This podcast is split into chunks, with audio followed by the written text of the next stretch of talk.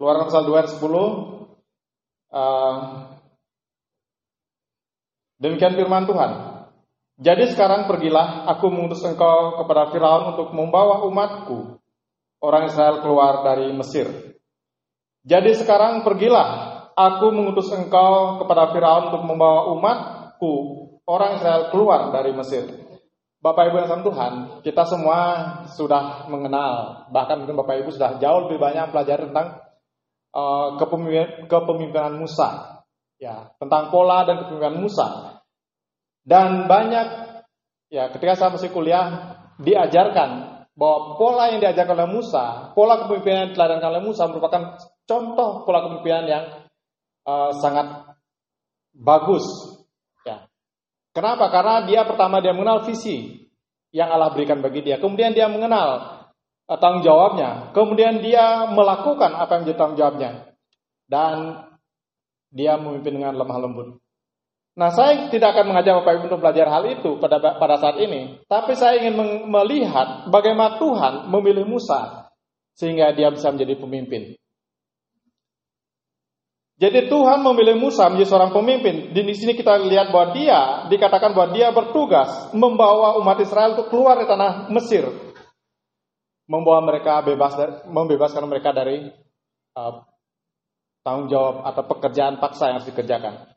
40 tahun tanggung jawab Musa membawa bangsa Israel keluar bukan bukan waktu yang pendek.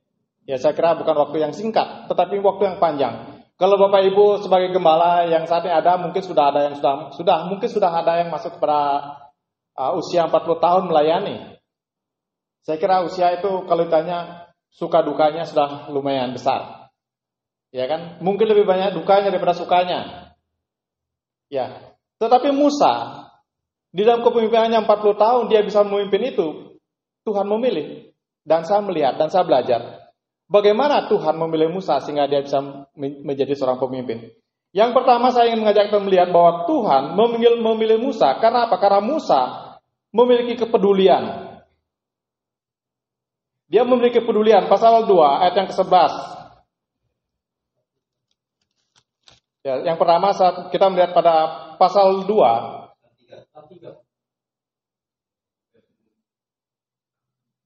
Nah, saya pilih pasal 2. Ya, pasal 2 11. Mengapa Tuhan memilih dia?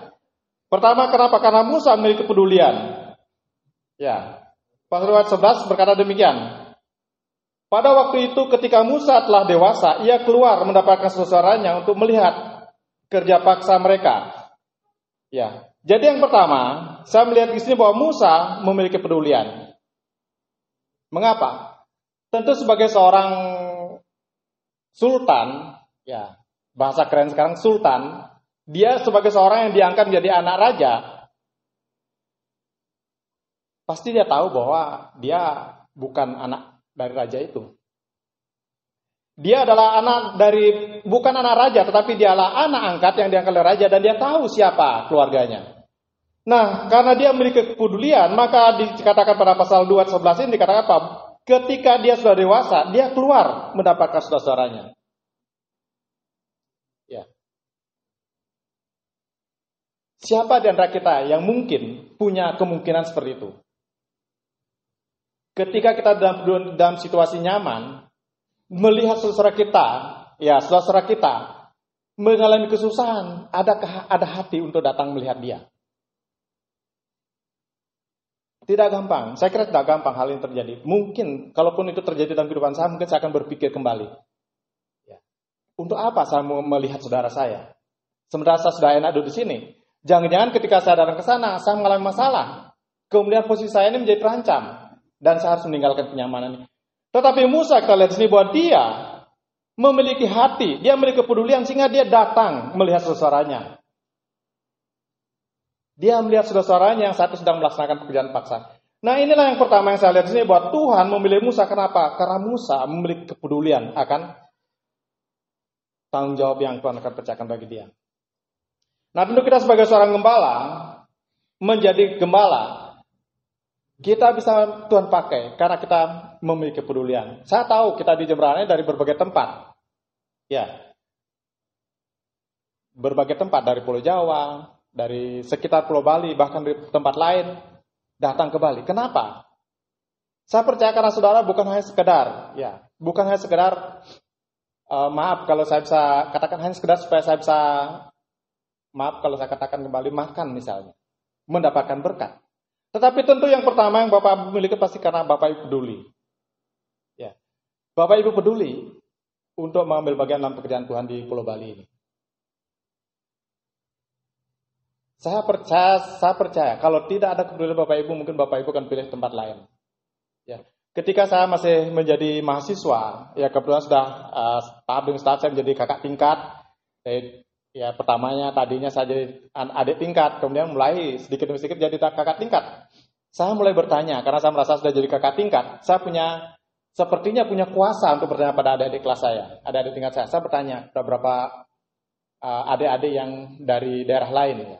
Maaf kalau bisa dikatakan dari daerah uh, tidak semaju Pulau Jawa, ya dari dari Papua, dari Kalimantan, mereka datang kemudian saya tanya, "Dek, setelah ini setelah uh, kamu tamat di sini, ke mana rencanamu?" Belum tahu, Kak. Loh. Terus kamu ke sini nih ngapain? Sekolah. Loh, terus sekolahmu mau mau ke mana? Tidak tahu. Terus apa artinya kalau kamu datang tapi kamu tidak tahu ke mana akhirnya? Saya tanya demikian. Kemudian saya tanya kembali, adakah kamu punya hati untuk kembali ke tempat saudara. Dia bilang tingkat satu bilang, oh iya kak, saya akan kembali ke bagus. Tapi nanti setelah tingkat berikut saya akan tanya, apakah masih punya hati seperti itu. Berjalan waktu ketika saya sudah mulai uh, praktek lapangan, kemudian kembali ke kampus untuk menyelesaikan skripsi, saya bertanya lagi, gimana rencana ke depan? Wah, saya akan buka pelayan di Pulau Jawa aja Pak. Saya buka pelayan di Jakarta. Kenapa Anda kembali ke, ke tempatmu? Di tempat saya susah, Pak. Saya katakan kalau bukan saudara yang membangun daerah itu siapa yang bangun? Kalau saudara tidak punya kepedulian untuk daerahmu, siapa yang peduli dengan daerahmu? Nah, Bapak Ibu yang peduli dengan Pulau Bali ini bagi saya, saya pribadi, saya sangat bersyukur. Kenapa? Karena banyak saudara-saudara yang peduli. Nah, jadi tentu di sini kita melihat bahwa Tuhan memilih Bapak Ibu untuk melayani Pulau Bali ini adalah karena Bapak Ibu peduli untuk tempat ini. Ini sudah menjadi satu modal. Modal pertama dari apa yang saya pelajari bahwa Tuhan akan memimpin pelayan kita.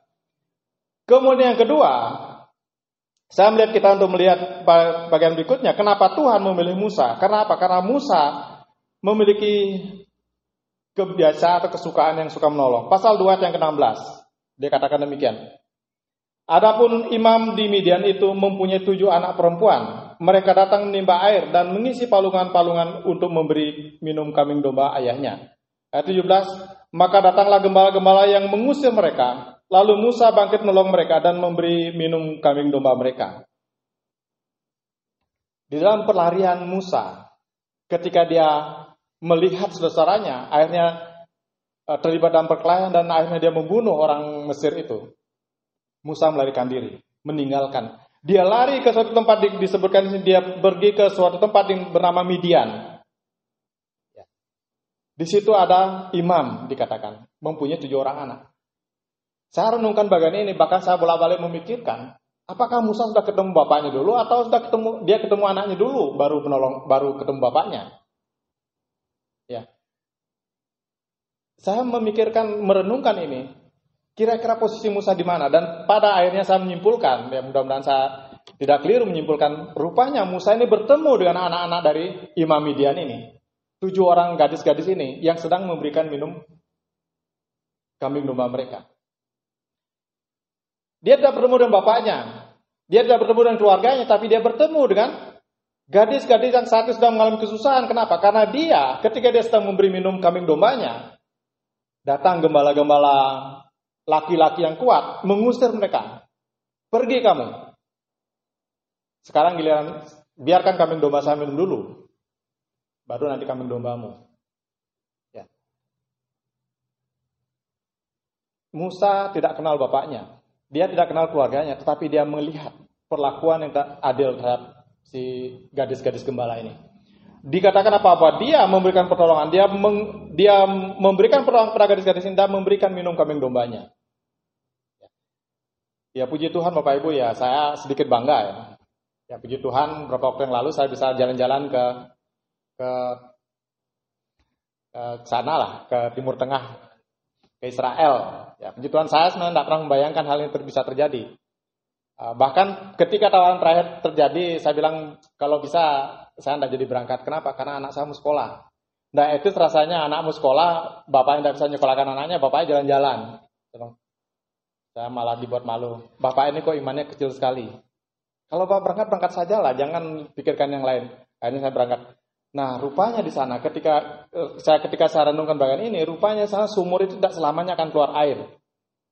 Untuk bisa mengisi air apa untuk ada air dalam sumur ini kecuali yang dekat dekat sungai Nil itu ya.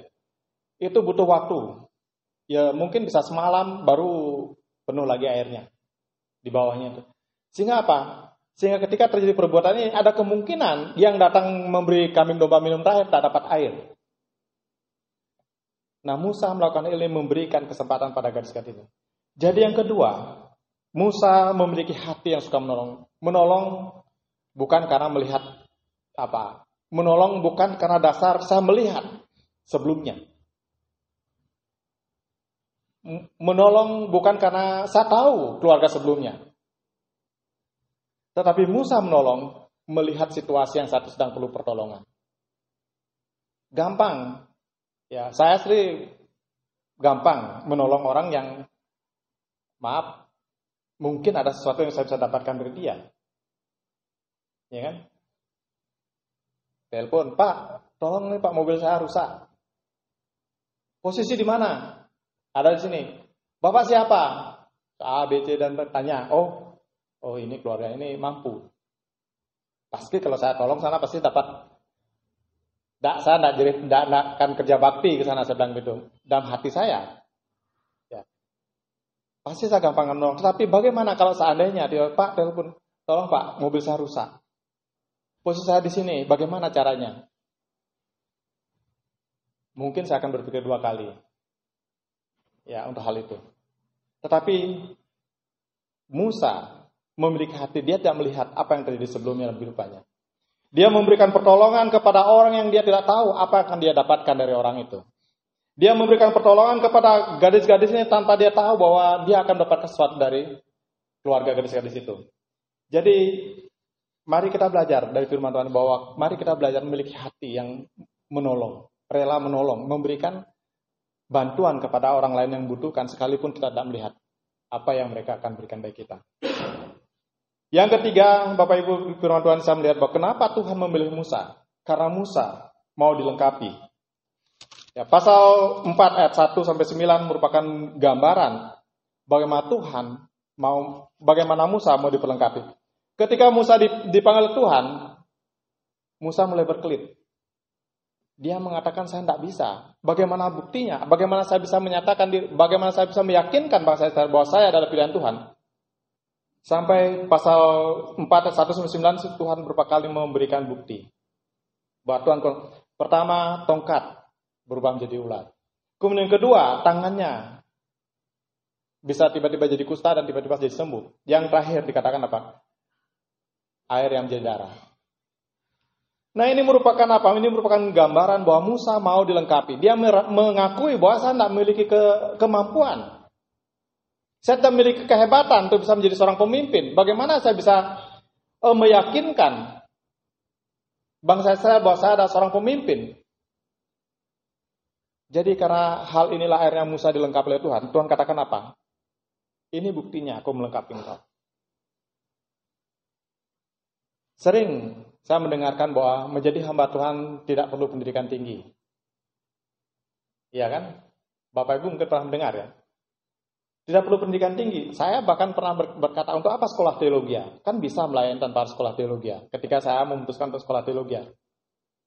Kan bisa melayani tanpa sekolah teologi. Saya bilang betul. Saya bisa. Sama seperti saya ketika saya bekerja di bengkel sebelumnya. Yang penting saya punya tangan kuat. Yang penting saya kuat, punya badan yang kuat, bisa saya bekerja. Tetapi saya hanya bekerja dengan kekuatan saya, tanpa menggunakan pengetahuan saya. Saya hanya bekerja dan sekuat tenaga mungkin ketika se, se, apa, sebuah baut yang saya buka, saya ambilkan palu, pukul biar lepas bagaimana caranya. Tetapi dengan pengetahuan yang saya dapatkan di, di dalam pekerjaan itu, maka saya akan belajar, oh begini caranya. Begini caranya membuka, begini caranya mengencangkan, begini caranya memasang. Karena saya belajar. Ketika kita menjadi seorang batuan, kita rela mau dilengkapi. Belajar dalam sempat. Memang tidak harus di sekolah teologi ya belajarnya. Mungkin Bapak Ibu akan dilengkapi dengan cara-cara Tuhan yang lain.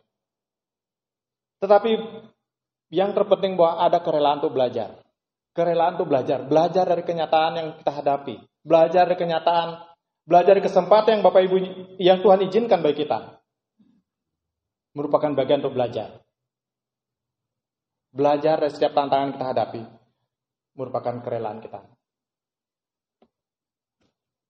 Sebagai kesaksian terakhir, saya punya seorang teman yang cukup dekat dengan saya pada saat itu.